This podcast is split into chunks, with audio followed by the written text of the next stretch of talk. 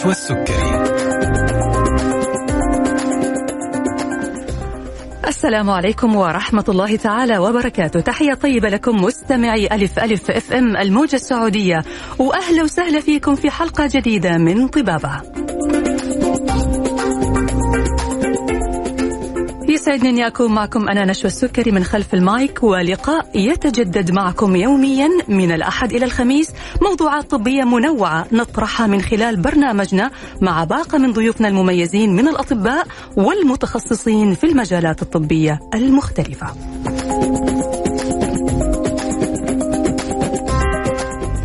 يسعدني تواصلكم معنا أعزائي المستمعين على هاتف البرنامج 012 61 61 100 ورسائلكم على واتس البرنامج 055 66 89 01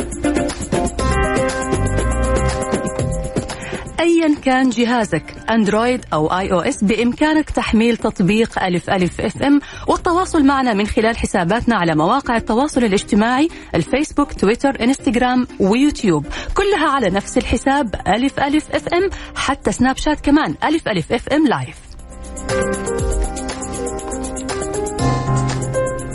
يحب يسمع الحلقة كاملة أو يستفيد من المعلومات الطبية الموجودة فيها أو يرسلها لأحد مهتم بالموضوع اللي طرحناه اليوم بإمكانه أنه يتابعها على اليوتيوب تكون موجودة بإذن الله تعالى خلال 24 ساعة. موضوعنا اليوم فإذا كنت تعاني من مشاكل بالفك لا يمكن حلها باستخدام تقويم الأسنان أو إذا كان لديك عدم انتظام في عظام الفك وتحتاج إعادة محاذاة الفك والأسنان لتحسين عملها فإن جراحة الفكين التقويمية هي الخيار المناسب الذي يؤدي إلى تصحيح وضع الفكين وتحسين مظهر الوجه. هذا هو موضوع حلقتنا اليوم مع ضيف الحلقة الدكتور محمد نادر شاه استشاري جراحة الوجه والفكين بمجمع اتحاد أطباء الأسنان يوني دنس حياك الله يا دكتور. الله يحييكم جميعا. وأول شيء أحب أشكركم على الاستضافة الكريمة. وإن شاء الله تكون حلقة آه، مميزة وفيها معلومات مفيدة للجميع بإذن الله. الله يسلمك يا دكتور. شكرا لحضرتك وشكرا لوجودك معنا. في البداية دكتور خلينا نعرف إيش هو تخصص جراحة الفم والوجه والفكين ممتاز. سؤال جميل. لأنه التخصص صراحة يعتبر من التخصصات النادرة. آه عدد الأطباء في هذا التخصص يعتبر قليل. بالنسبة للتخصصات الأخرى. طبعا تخصص آه جراحة الفم والوجه والفكين هو أحد تخصصات طب الأسنان. اللي بدأ تحت طب الأسنان وصار تخصص يقع بين الطب الأسنان والطب البشري. آه مثلا في بداية التخصص كان آه مركز أكثر على جراحات الفم. لكن من أيام الحرب العالمية لما صارت كسور كثيرة في الحرب العالمية الأولى والثانية استعانوا بأطباء الأسنان ودخلوا في علاج كسور الوجه والفكين بناء على تطابق الأسنان. فالتوسع بدأ صار توسع في التخصص صار في الوقت الحالي يشمل آه، معالجة آه، طبعا خلع الأسنان الجراحي ضروس العقل زراعة الأسنان هذه جراحات الفم تمام. انضاف إليها آه، كسور الوجه والفكين مه. جراحة الفكين التقويمية اللي راح نتكلم عليها اليوم مه. تجميل الوجه عمليات تجميل الوجه كاملة عمليات أورام الوجه عمليات ترميم الوجه والفكين عمليات الشفة الأرنبية فصار توسع كبير في التخصص. وانتقل التخصص في بعض الدول الأوروبية يستلزم حصول على الطب الأسنان والطب البشري لممارسة التخصص هذا، طبعا في من دولة لدولة في اختلافات. الحمد لله أنا حاصل على طب الأسنان والطب البشري. الاثنين مع بعض. نعم نعم. كيف يا دكتور؟ أنا أعرف إنه من البداية بيكون في تخصص طب صحيح. بشري بس حضرتك بعد ما انهيت الطب البشري حولت على طب الاسنان لا لا أنا خلصت طب أسنان آه منه. لا اخذت بكالوريوس طب أسنان. آه. وبعد ما تخرجت الحمد لله بامتياز مع مركز الشرف وطلعت لأمريكا. ما شاء الله. درست طب الطب البشري في جامعة لويزيانا. أيوه. وبعدين تخصصت في جراحة الفم والوجه والفكين.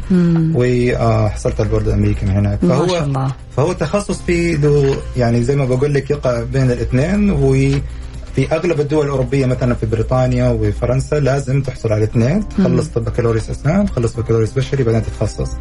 في السعودية يقع تحت طب الأسنان اللي يبغى يتخصص في جراحة الوجه فكين يخلص طب أسنان بعدين يدرس خمسة سنوات في البورد السعودي. ممتاز. بس ما شاء الله حضرتك ماخذ هنا التخصصين نعم. الطب البشري وطب نعم، الأسنان صحيح. مع بعض لأنه فعلا هو تخصص دقيق صحيح. ويحتاج يعني آه أن يكون الدراسة عميقة جدا ومتفحصة يعني.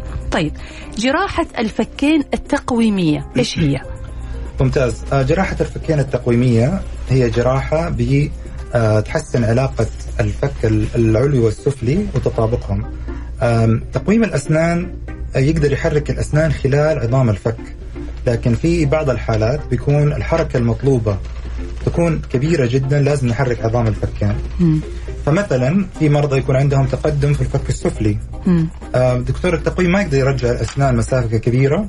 وحتى لو حاول يرجع الأسنان حيكون وجه شكل الوجه ما يتغير فلازم نرجع عظم الفك نفسه لأنه المشكلة الأساسية في الفك في الفك نفسه مم. فمثلا هذول يسموهم النوع الثالث أو تقدم الفك السفلي أو تراجع الفك العلوي آه النوع الثاني بيكون عكسها بيكون تراجع في الفك السفلي مم. وتقدم في العلوي مم. في ناس يكون عندهم ابتسامة لثوية وطبعا الابتسامة اللثوية لها أسباب كثيرة لكن هي سببها الرئيسي بروز في الفك العلوي فبنرفع الفك العلوي في العملية.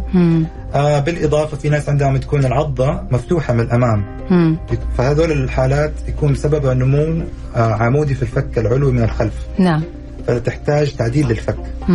آه آه بالإضافة في طبعا أحيانا بنسويها لدواعي أخرى مثلا المرضى اللي عندهم انقطاع التنفس أثناء النوم. لأن المريض اللي يكون عنده تراجع في الفك السفلي آه أو في الفكين بيصير تضيق في مجرى النفس. مم. فلما نقدم الفكين للأمام بيفتح مجرى النفس وهذا أحد العلاجات المعتمدة لانقطاع التنفس متلازمة انقطاع التنفس أثناء النوم. جميل يا دكتور. طيب يعني حضرتك صراحة ذكرت آه، حالات كثيرة جدا بيتم فيها استخدام الجراحة التقويمية للفكين. آه، منها يعني أشياء قد تكون أنا شايفها في الغالب وظيفية. آه، وفي أشياء برضو بتهتم بمظهر الوجه. فهل هي جراحة وظيفية أم تجميلية؟ سؤال جميل جدا. طبعا ال ال الوظيفة والتجميل عادة يمشوا مع بعض. مم. عادة ما يكون بينهم تعارض. سبحان الله لو وصلنا الفك للوضع الوظيفي السليم بيكون معاها نتيجة تجميلية. بيكون, أجمل. بيكون الشكل أجمل. مم. لكن في دراسات بيشوفوا إيش الموتيف ولا إيش السبب اللي المرضى بيسووا العملية. آه نسبة كبيرة منهم بيسووها للجانب الجمالي. وفي نسبة بيسووها مجرد للوظيفة وفي ناس بيسووها للاثنين مع بعض. مم. إيش الوظيفة اللي بتحسن؟ أول شيء مضغ الأسنان. المضغ الطعام بطريقة قطع الطعام بالأسنان. لأن المرضى إذا كان تطابق الأسنان غير سليم أو عضه مفتوحه بيكون صعب عليهم إنهم يمضغوا الأكل آه كويس. مم. رقم اثنين النفس أو التنفس اللي تكلمنا عليه. رقم ثلاثة صحة الأسنان. مم. لما تكون زوايا الأسنان غير طبيعية اللثة تتأثر وعلى المدى البعيد صحة الأسنان أفضل في الزوايا الطبيعية. مم. طبعا نعم. من الناحية الجمالية تغيير تعتبر عملية الفكين التقويمية أكبر تغيير في شكل الوجه. آه كثير من المرضى من كثر ما هم آه، يعني مبسوطين بعد العملية بيطلبوا على طول خطاب للأحوال المدنية. عشان يسمحوا لهم بيغيروا صورة الأحوال على طول. يبغى يمحي هذه فتره من حياته. أيوه وبعضهم الأحوال بتطلب منهم إذا كان حركة الفكين كبيرة. أيوه. الأحوال بيطلبوا منهم إنه لازم تجيب إنك أنت غيرت شكلك بعمليه آه لأنه بيكون التغيير كبير جدا في شكل وملامح الوجه. طبعا يعتمد على قد إيش كانت المشكلة. مم. إذا كان أصلا الفك متقدم كثير التغيير بيكون كبير. لو كان الفك متقدم أو متراجع شيء بسيط التغيير بيكون متناسب مع حركة الفكين. مشكلة الفكين هذه يا دكتور هل هي بتكون خلقية؟ يعني من البداية بيولد بها الإنسان ولا ممكن آه تكون بسبب آه عوامل معينة مختلفة تكون حواليه في البيئة أو بسبب حوادث؟ يعني إيش أسبابها؟ ممتاز. طبعا هي السبب آه ما هو معروف بالضبط لكن العامل الوراثي مم. أثبت في نوع معين من المشاكل اللي هي مشكلة تقدم الفك السفلي. مم. حتى لاحظوا في اللوح الفنية من آه، العصور الوسطى من الدول الأوروبية في سلالة من الملوك النمسا كانوا كلهم عندهم الفك متقدم. مم. فلاحظوا يعني خصوصا تقدم الفك. تراجع الفك السفلي الجانب الوراثي فيه حسب الدراسات ضعيف. هل ممكن يكون الشخص يتولد بعدين يحتاج عملية؟ ممكن. تفضلتي الخبطات أو الكسور أو الإصابات. آه، ممكن تأثر على المفصل وتسبب تأخر في النمو أو نمو زائد وانحراف في الفكين.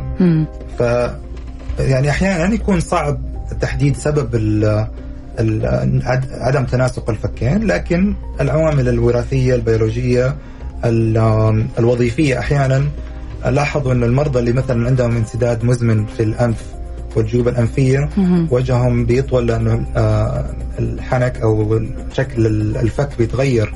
عشان يقدروا يتنفسوا. فوظيفة التنفس برضو بتأثر على نمو الفكين.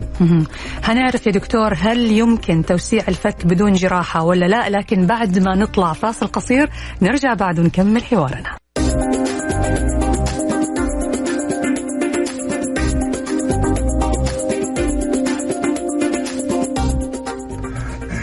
حياكم الله من جديد مستمعينا الأعزاء في برنامجكم طبابة على إذاعتكم ألف ألف إف إم. مع ضيفنا اليوم الدكتور محمد نادر شاه استشاري جراحة الوجه والفكين بمجمع اتحاد أطباء الأسنان يونيدنس. موضوعنا اليوم عن جراحة الفكين التقويمية. أرحب فيك مرة ثانية دكتور. الله يحييك. الله يسلمك. دكتور كنا بنتكلم طبعا قبل الفاصل على الحالات اللي بيتم فيها اللجوء إلى جراحة تقويم الفكين. بعض الحالات يا دكتور ممكن يفكر إنه يلجأ إلى تقويم الأسنان لعلاج هذه الحالة، حضرتك ذكرت إنه ممكن تقويم الأسنان لكن هنا نبغى نعرف هل يمكن بالفعل الاستغناء عن جراحة الفكين بتقويم الأسنان؟ سؤال ممتاز جدا الله يعطيك العافية. طبعا قبل ما نسوي أي عملية عادة حنتكلم عن التقويم لكن. إذا المريض ملاحظ إنه فكه متراجع أو فكه متقدم الأفضل يستشير جراح وجه فكين. لأنه في علاج تقويم في الحالات اللي هي ال borderline الحالات اللي يكون التقدم مو مرة كبير أو التراجع مو مرة كبير مثلا واحد فك السفلي متقدم شوية فممكن يروح لدكتور تقويم يخلع له سنتين في الفك السفلي ويسحب الاسنان السفلية على ورا شوية مم. المشكلة بالطريقة هذا أو العلاج التمويهي في أوقات كثير المرضى ما يكونوا راضين بالنتيجة مم. تكون الأسنان تطابقت لكن الفك لسه مكانه متقدم مم. تكون الشفايف دخلت على جوا فيصير وجه شكل الوجه كانه آه، مقعر للأمام. آه، ساعتها المريض يبدأ يبحث وهذا سيناريو متكرر يبدأ يبحث يقول أبغى أسوي عملية. يجيني ألاقي الأسنان اللي تحت اتخلعت وتقفلت في مكان بتقويم يسموه غير جراحي أو تمويهي. ساعتها مرة صعب نسوي العملية. فقبل خلع أي ضرس أو ضواحك مع دكتور التقويم الأفضل است... يعني يكون المريض متأكد إنه شكل الفكين آه، متناسق وما هم ضايق ومو هذه المشكلة اللي بيحاول يحلها لأنه بعد خلع الأسنان وتكفيل العضه إنه نعيد التقويم مرة ثانية حيكون صعب وأحيانا تصير الجراحة غير ممكنة. طيب على الجانب الثاني دكتور هل ممكن عمل الجراحة بدون تقويم؟ ممتاز. طبعا الجراحة قبل ما ليش إحنا نحتاج تقويم أول شيء؟ أول شيء لو واحد مثلا فكه السفلي متقدم. سبحان الله الجسم الإنسان بيحاول يحل المشكلة. فحتلاقي الأسنان اللي في الفك السفلي اللي هو المتقدم تميل للخلف. مم. بتحاول ترجع لورا. والأسنان في الفك العلوي حتلاقيها تميل للأمام. فإذا إحنا جينا نحرك الفكين حنلاقي تطابق بعيد عن بعض. تمام. فقبل ما نسوي العملية بنشيل الت... اللي هي ال compensation أو التغييرات اللي الجسم حاول يسويها لحل مشكلة الفكين بنحط الأسنان في الزوايا الصح بالنسبة لكل فك فالمشكلة حتبان أوضح للمريض بعدين نسوي العملية. إذا كان تزاحم الأسنان ما هو كبير وتغييرات هذه ما هي كبيرة في بعض الحالات بنسوي الجراحة اولا. مم. وهذا التقنيه بنستخدمها في بعض الحالات اللي يكون آه العضة تستحمل أو تزاحم الأسنان ما هو كبير. لو كان الأسنان فيها تزاحم كبير أو الزوايا فيها ميلان كثير بنرصها بالتقويم بحاجة يسموها التقويم الجراحي اللي هو نفس الأسلاك نفس الأدوات الجراحية اللي بنستخدم نفس الأدوات التقويم. ولكن حركة الأسنان بتكون للتجهيز للعملية. طبعا مدتها تفرق من حالة للثانيه كثير بيسألوا أحيانا تأخذ ستة شهور أحيانا سنة لكن عدم الاستعجال في المرحلة هذه يؤدي لنتيجة أفضل. لأنه إذا المريض استعجل وكثير بيكونوا مستعجلين ممكن تؤدي لنتائج غير مرضية في العملية. فالأفضل آه، إنه الأسنان تترص لكن في حالات تكون العضة ممتازة وحركة الفكين نقدر نسويها بغض النظر عن وضع الأسنان. بنسوي حالة الجراحة اولا. لكن أقدر أقول 70 أو 80% من الحالات تستلزم تقويم قبل العملية. يعني كذا فهمنا من كلام حضرتك إنه في علاقة بين جراحة الفكين وتقويم الأسنان ما يمكن ابدا إنه إحنا نفصلهم عن بعض. لكن كخطة علاج وهنا اللي بيحدد خطة العلاج هو الطبيب. المفترض ألجأ لمين في البداية عشان يحط لي خطة العلاج اللي أمشي عليها سواء هبدأ جراحة بعدين تقويم أو أبدأ تقويم وبعدين جراحة. سؤال جميل جدا. الخطة العلاج بتكون عادة بفريق مكون من الجراح ودكتور التقويم. المرضى عادة بيجوني في الزيارة الأولى. آه، نادي دكتور التقويم وبنفحصهم مع بعض. بنحط خطة علاج تقويمية وجراحية من البداية بالاتفاق. لأنه لو الدكتور لو المريض بدأ مع دكتور تقويم وما تواصل مع الجراح حيكون في ممكن عدم آه، تواصل ويصير miscommunication واسنان تترص بطريقة غلط وتطول فترة العلاج أو تصير مشاكل. فالوضع المثالي إنه خطة العلاج تنحط بين دكتور التقويم والجراح مع بعض. المريض يستشير مين أول؟ الأفضل يستشير دكتور الجراحة أو يستشير دكتور تقويم بشرط يكون عنده خبرة في عمليات الفكين التقويمية لأنه مش دك كل دكتور تقويم بيعرف آه، أو عنده خبرة في تجهيز الحالات هذه تحتاج آه، خبرة من الدكتور التقويم لتشخيصها وتجهيزها للجراحة. هل التقويم الشفاف يا دكتور ناجح مع عمليات جراحة الفكين؟ سؤال برضه ممتاز. طبعا التقويم الشفاف دحين آه، صاير آه، ثورة جديدة في التقويم. سويت عمليات فكين باستخدام التقويم الشفاف والجواب طبعا نعم ممكن. يحتاج دكتور تقويم يكون برضه متمرس في التقويم الشفاف. للتخطيط الجيد للعملية وأحيانا قبل العملية بنحط زي الباتنز أو الأزارير آه، تساعدنا في وقت العملية وبنشيلها بعد الجراحة. ممتاز طبعا لأنه غالبا اللي بيعمل جراحة الفكين بيكون يعني شاب مثلا أو بيكون في مرحلة الشباب فتركيب التقويم المعدني ممكن يسبب له بعض الحرج فأكيد بيحبوا أكثر التقويم الشفاف. صحيح طبعا التقويم الشفاف آه، أسهل في التنظيف آه، أسهل كشكل يعني مريح للمرضى أكثر طبعا. جميل. طيب نيجي هنا لموضوع ثاني دكتور. يعني كلمة جراحة في حد ذاتها غالبا تكون مخيفة شوية. يمكن في ناس عندهم مشاكل في الفكين قد يقبلوا بإنهم يستمروا أو يتعايشوا مع المشكلة اللي موجودة موجودة عندهم بس علشانه خايف من الجراحة وتبعات الجراحة والشائعات أو المعتقدات الشائعة اللي الناس تعرفها أو بتتكلم عنها عن موضوع الجراحة. خلينا كذا في الأول ناخذ موضوع توسيع الفك. هل بالإمكان توسيع الفك بدون جراحة؟ الفك طبعا الفك العلوي هو عبارة عن عظمتين وبينهم سوتشر أو التقاء عظمي. في مرحلة النمو لين مرحلة البلوغ في سن 15 16 سنة. هذا هذا الالتقاء بين العظمتين بيقفل. فلو المريض عنده ضيق في الفك العلوي فممكن يشوف دكتور التقويم وبيركب له جهاز يقدر يوسع الفك من غير جراحة. مم. بعد اكتمال النمو ومرحلة البلوغ بيضطر إنه نسوي جراحة بسيطة، طبعا جراحة توسيع الفك جراحة بسيطة بتأخذ أقل من ساعة زي جراحة اليوم الواحد. بنسوي تضعيف في الفك آه، مكان مكان العظم أصلا مفتوح مم. والدكتور بيركب الجهاز وبعد كذا بنسوي توسيع الفك. آه طبعا كيف المريض يعرف أصلا إنه عنده ضيق في الفك العلوي؟ مم. من علاماته لما يبتسم المريض يحس أسنانه ما هي معبية الابتسامة. وبيشوف آه مثلثات سوداء أو ال black triangles في زوايا الابتسامة. مم. هذه واحدة من ال signs أو العلامات اللي هي إنه الفك العلوي ضيق. زائد حيلاحظ إنه الفك السفلي أعرض من الفك العلوي من ناحية الضروس. فالطبيعي إنه الفك العلوي يكون اعلى أعرض شوية من الفك السفلي. يعني هذه هي المؤشرات لكن غير كذا ما يقدر يعرف إنه هو عنده مشكلة أو ضيق في في الفك. هي هذا الشكل حقها أو يستشير دكتور التقويم حيقول له إنه عندك ضيق لا يمكن توسيعه بالتقويم. طبعا بعد اكتمال البلوغ بعد مرحلة البلوغ ممكن توسيع الفك بدون جراحة مم. إذا كان المسافة آه، قليلة أقل من 5 ملي مم. ممكن دكتور التقويم يحاول يوسع الفك وحيكون هو أكثر ميلان للأسنان أكثر ما هو توسيع فعلي للفك مم. okay طيب إيش هي الحالات اللي بتتطلب التوسيع جراحيا ما لها حل آخر غير الجراحة الحالات اللي هي بعد اكتمال البلوغ مم. ورقم اثنين إذا كانت مسافة توسيع الفكين أكثر من 5 ملي أو مسافة كبيرة.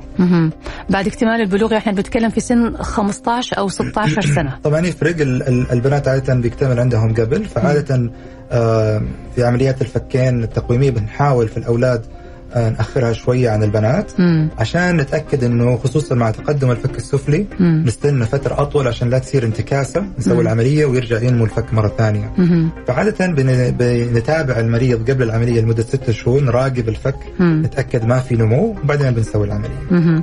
هل هذه العملية خطيرة؟ كم مدة التشافي؟ هل لازم ربط الأسنان بعدها؟ هذه الأسئلة هنعرف الإجابة عليها بعد ما نطلع فاصل قصير ونرجع بعد ونكمل حوارنا Thank you.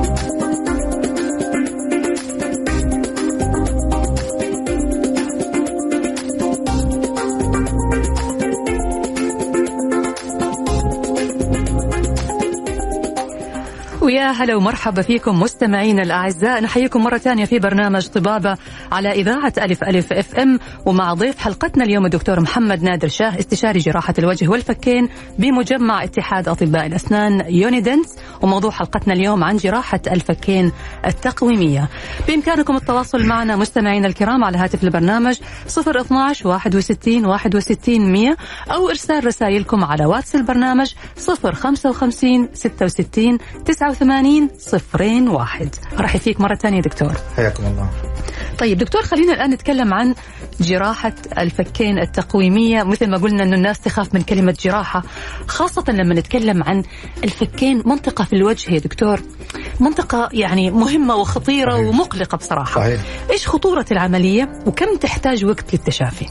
طيب العملية أول شيء ما هي عملية آه، صغيرة ولا هي وخطيرة مم. آم، عادة مدة العملية بتتراوح ثلاث ساعات في المتوسط آه، تعتمد طبعا على صعوبة الحالة آه، الم- تخدير كلي تخدير كامل مم. العملية كلها بتسوى من داخل الفم مم. فما بيكون في أي آثار ندبات جراحية من الخارج مم.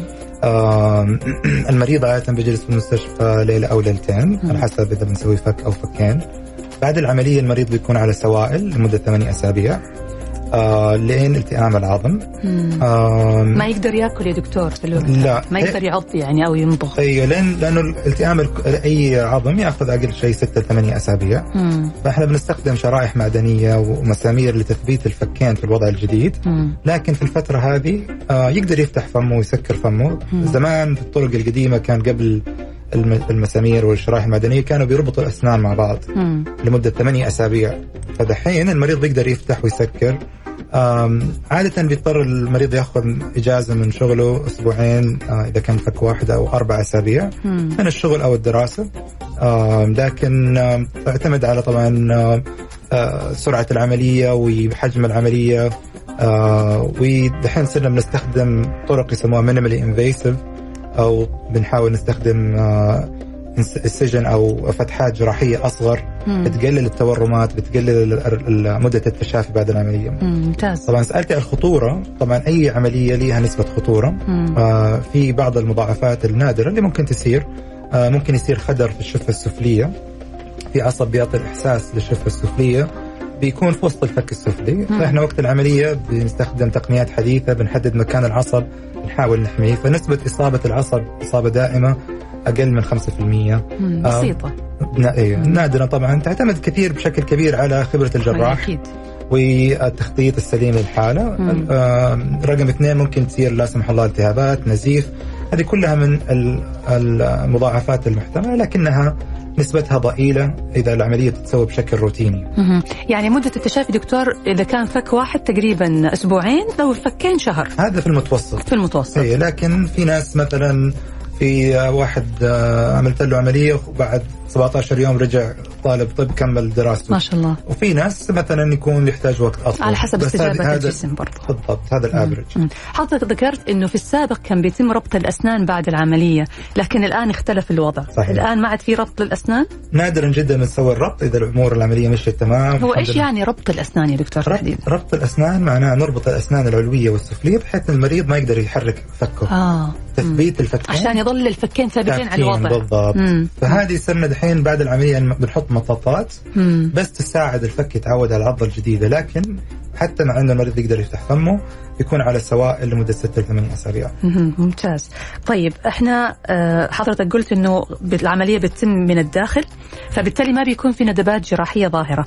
غالبا ما تحتاجوا إنه يكون في أي تدخل خارجي أو عمل شقوق مثلا في في الفك أو شيء؟ عادة ما بنحتاجها لأنه العملية آه، بنستخدم أدوات جراحية معينة وبتستخدم الفتحات في اللثة نفسها بحيث نقدر نحرك الفكين من الداخل. جميل طيب برضو حضرتك ذكرت نقطة مهمة وهي أنه بيتم في تركيب مسامير وشرايح معدنية آه هذه طبعا علشان تعطي النتيجة المطلوبة في الفك سواء كان توسيع أو أيا كان يعني أو إعادته إلى وضعه كذا هل بيتم إزالتها بعد فترة التشافي؟ عادة ما بنشيلها. آه، في حالات تستدعي إزالتها. آه، نسبة ضئيلة جدا جدا. ممكن يصير لا سمح الله تتخلخل المسامير وتسوي التهاب. بنشيلها عادة بنج موضعي. في بعض الحالات مثلا المريض يبغى يسوي حشوات تفصيلية من السيليكون أو مواد أخرى زي البيك آه، لتجميل زوايا الفك. والمسامير بتسوي ارتفاك في أو احتكاك. احتكاك مع الأشعة المقطعية. فتصعب تصميم هذه الحشوات. داخل معاها. فبنشيلها قبل ما نسوي الجراحة اللي بعدها. آه في بعض الحالات الشرايح اللي حوالين الأنف ممكن نشيلها إذا حنسوي عملية للأنف في المستقبل.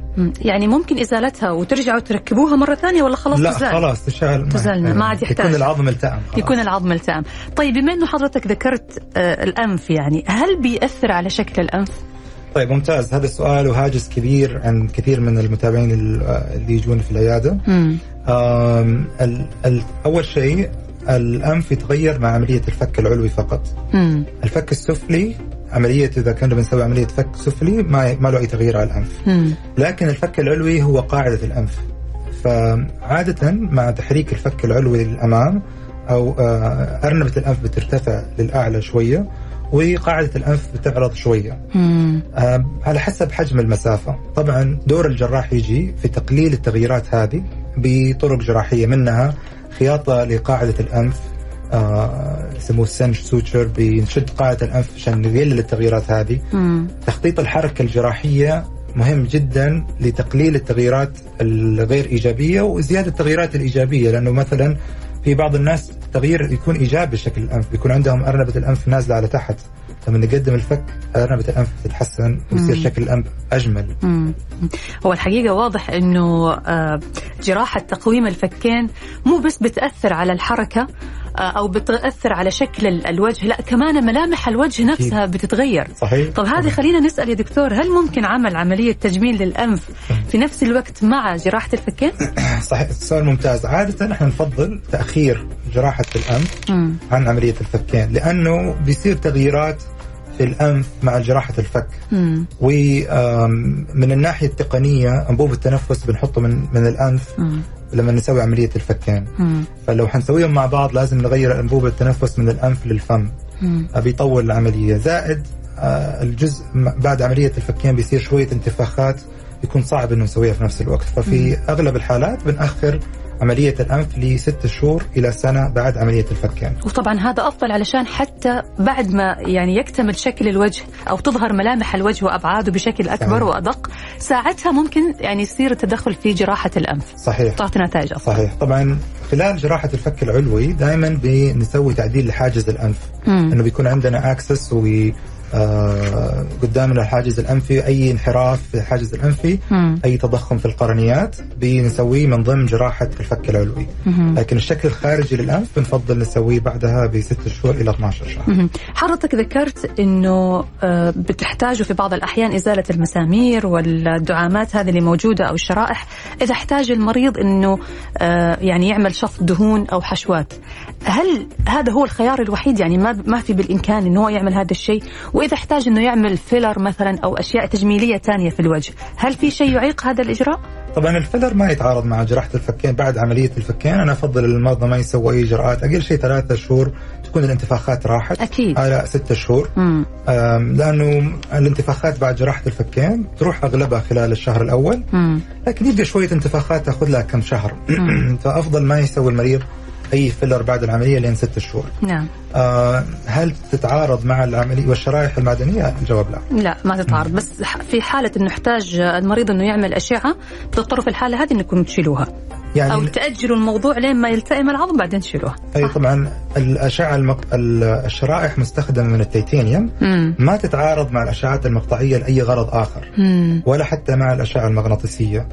آه لأنه هي مستخدمة من تيتانيوم آه لكن الحاله الوحيده اللي بنشيلها إذا نبغى نسوي حشوات في مكان الشرائح هذه. آه في نفس المكان. في نفس المكان فقط. مم. إذا في مكان آخر أو مجرد أشعة تشخيصية نحتاج نشيل الشرائح جميل. طيب إحنا نعرف إنه في تقنيات حديثة متطورة جدا سهلت في إجراء هذه العمليات وسهلت حتى على المريض إنه يتقبل أو يتوقع كيف ممكن يكون النتيجة بعد العملية. كلمنا عنها دكتور. طيب طبعا التقنيات الحديثة الحديثة بالتخطيط الجراحي بالكمبيوتر هي أحد اهتماماتي الشديدة مم. اللي بدأتها من 2015 من رجوع من أمريكا إن شاء الله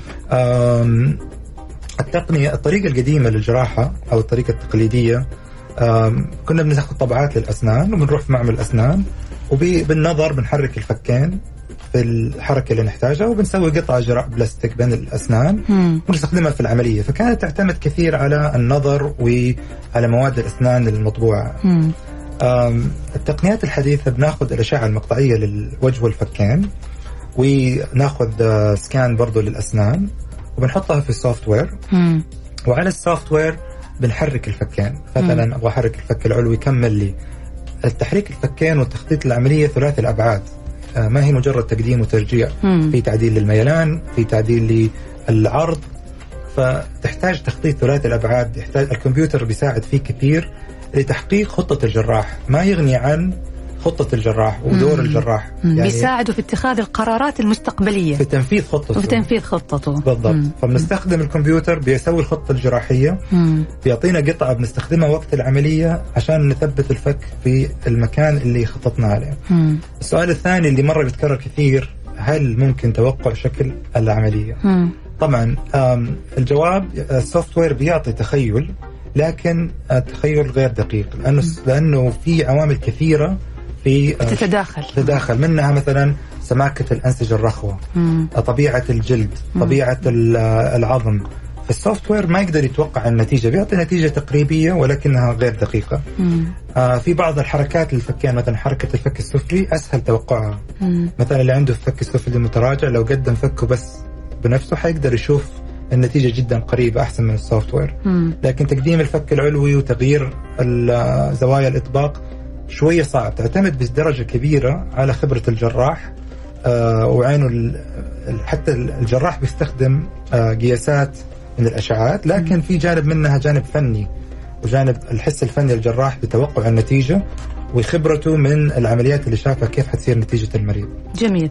طيب دكتور هنعرف بعد الفاصل كيف نحافظ على نتيجة جراحة الفكين وهل ممكن يحتاج المريض في بعض الأحيان لإجراء جراحة مرة ثانية؟ هنعرف الإجابة بعد ما نطلع فاصل ونرجع بعد ونكمل حوارنا.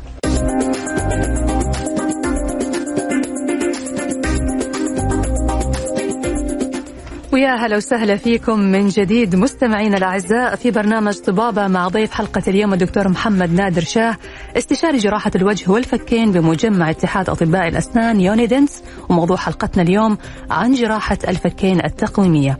بنستقبل اتصالاتكم على هاتف البرنامج 012 61 61 100 ورسائلكم على واتس البرنامج 055 66 89 01 ارحب فيك مرة ثانية دكتور. الله يحييك. الله يسلمك. دكتور قبل الفاصل كنا بنتكلم عن التقنيات الحديثة أيه. اللي بتساعد الدكتور في الحصول على أفضل نتيجة ممكنة للمريض. حضرتك ذكرت موضوع ال VSP أو اللي هو التخطيط الافتراضي. إيش كمان في تقنيات جديدة؟ طبعا التقنيات الجديدة آه، تشمل حتى الشرايح والمسامير. صرنا بنسويها custom أو يسموها PSI اللي هي patient specific implants أو مسامير وشرايح مفصلة. مفصلة. يعني بنحرك الفك في الوضع الجديد وبنفصل شرايح ممتاز. لأنه في العملية الطريقة التقليدية بنتني شرايح وسط العملية بنثبت الفك عليها. مم. فهذه التقنية. رقم اثنين بنسوي cutting guides cutting guides يعني حتى الطريقة المكان اللي بنقص فيه الفك بنخططها على الكمبيوتر وبيعطوني قطعة بلاستيك بخط بقص وسطها فهذه الطرق الحديثة كلها من من ضمن التقنيات الجديدة مم. اللي تساعد إن الجراحة تصير بطريقة أأمن مم. أسرع وتكون التشافي منها أسرع. ممتاز.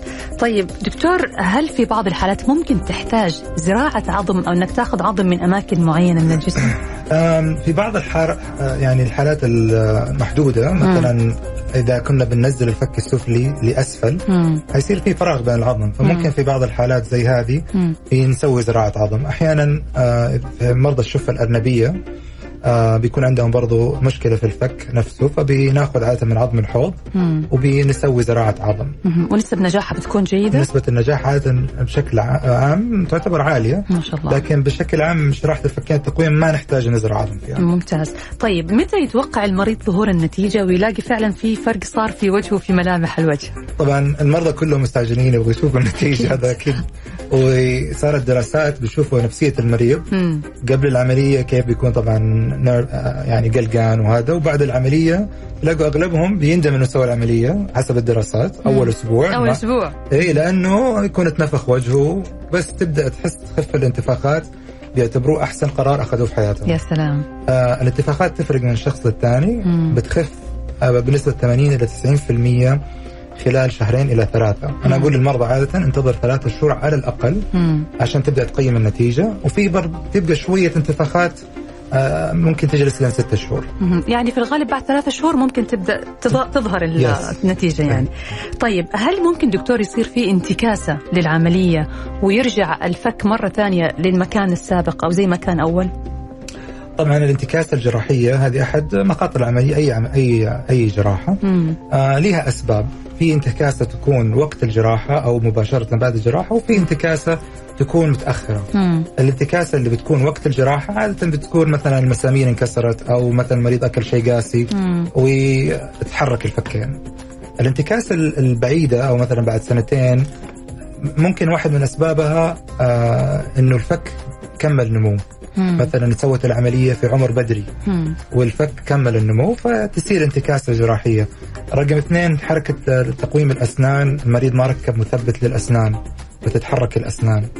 آه هذه كلها عوامل تؤدي لانتكاسة المتأخرة. مم. مم. طيب كيف نحافظ على نتيجة العملية دكتور؟ وإيش دور المريض تحديدا في هذا الموضوع؟ ممتاز، دور المريض رقم واحد خلال الفترة الأولى تجنب الأكل القاسي واتباع الإرشادات اللي آه، الجراح بيبلغها للمريض بدقة وعدم التهاون فيها مم. رقم اثنين متابعة التقويم وتثبيت آه، اللي هو الريتينر أو المثبت حق تقويم الأسنان بعد انتهاء التقويم جميل. طيب دكتور ناخذ كذا الأسئلة بعض الأسئلة اللي جاتنا. تفضل آه في سؤال يقول ابني عنده مشكلة في النطق وعنده مشكلة في مخارج الحروف وفي الكلام وعمره أربع سنوات. هل هو بيعاني من مشكلة في الفكين؟ عمره أربع سنوات. مم. طبعا الأفضل شخص يقيم الموضوع هذا هو أخصائي النطق speech therapist ممكن يكون في مشكلة في الفكين. أيوه. لكن عادة بيكون تقييم للحالة عن طريق أخصائي نطق. يقيم هل المشكلة من اللسان من الفكين من الأسنان من الجهاز العصبي لها عوامل كثيره طيب. سؤال ثاني دكتور يقول عمري 54 سنة عندي مشكلة في النوم أصحى بشكل دائم ولما أصحى يكون في عندي ضيقه تنفس وخنقة. علما إنه وزني ما هو زايد فهل أنا عندي مشكلة ممكن أعالجها بجراحة الفكين؟ آه سؤال مهم جدا آه طبعا متلازمة انقطاع التنفس وقت النوم مم. بتصير في الناس اللي هم وزنهم زايد لكن مو شرط الناس اللي آه يكون مثلا وزنه كويس وعنده هذه المشكلة طبعا رقم واحد كيف يعرف المريض إنه عنده المتلازمة هذه مم. من الأعراض عندك اللي هو يسموه daytime somnolence أو إنه يحس نفسه دائما نعسان وقت النهار مم. يكون يروح آه السينما يلاقيه ينام في السيارة ممكن ينام يقرأ كتاب ينام. لأنه نومه متقطع وما بيدخل في مرحلة النوم العميق بسبب انقطاع التنفس مم. إذا عنده الأعراض هذه يشوف طبيب نوم ويسوي له سليب ستدي أو دراسة نوم مم. إذا تشخص بيفحصوا جراح الوجه والفكين إذا كانت الفكين عنده راجعة مم. وهو غالبا في الناس اللي يكونوا ما عندهم وزن زايد إيه؟ بيحتاج جراحة فكين عشان يقدم الفكين وطبعا هي مو مجرد انقطاع تنفس وشخير أو هي بتسبب مشاكل في ضغط الدم مشاكل في مم. القلب بتسبب التهاب عام في الجسم. هل الشخير يا دكتور له علاقة بالفكين؟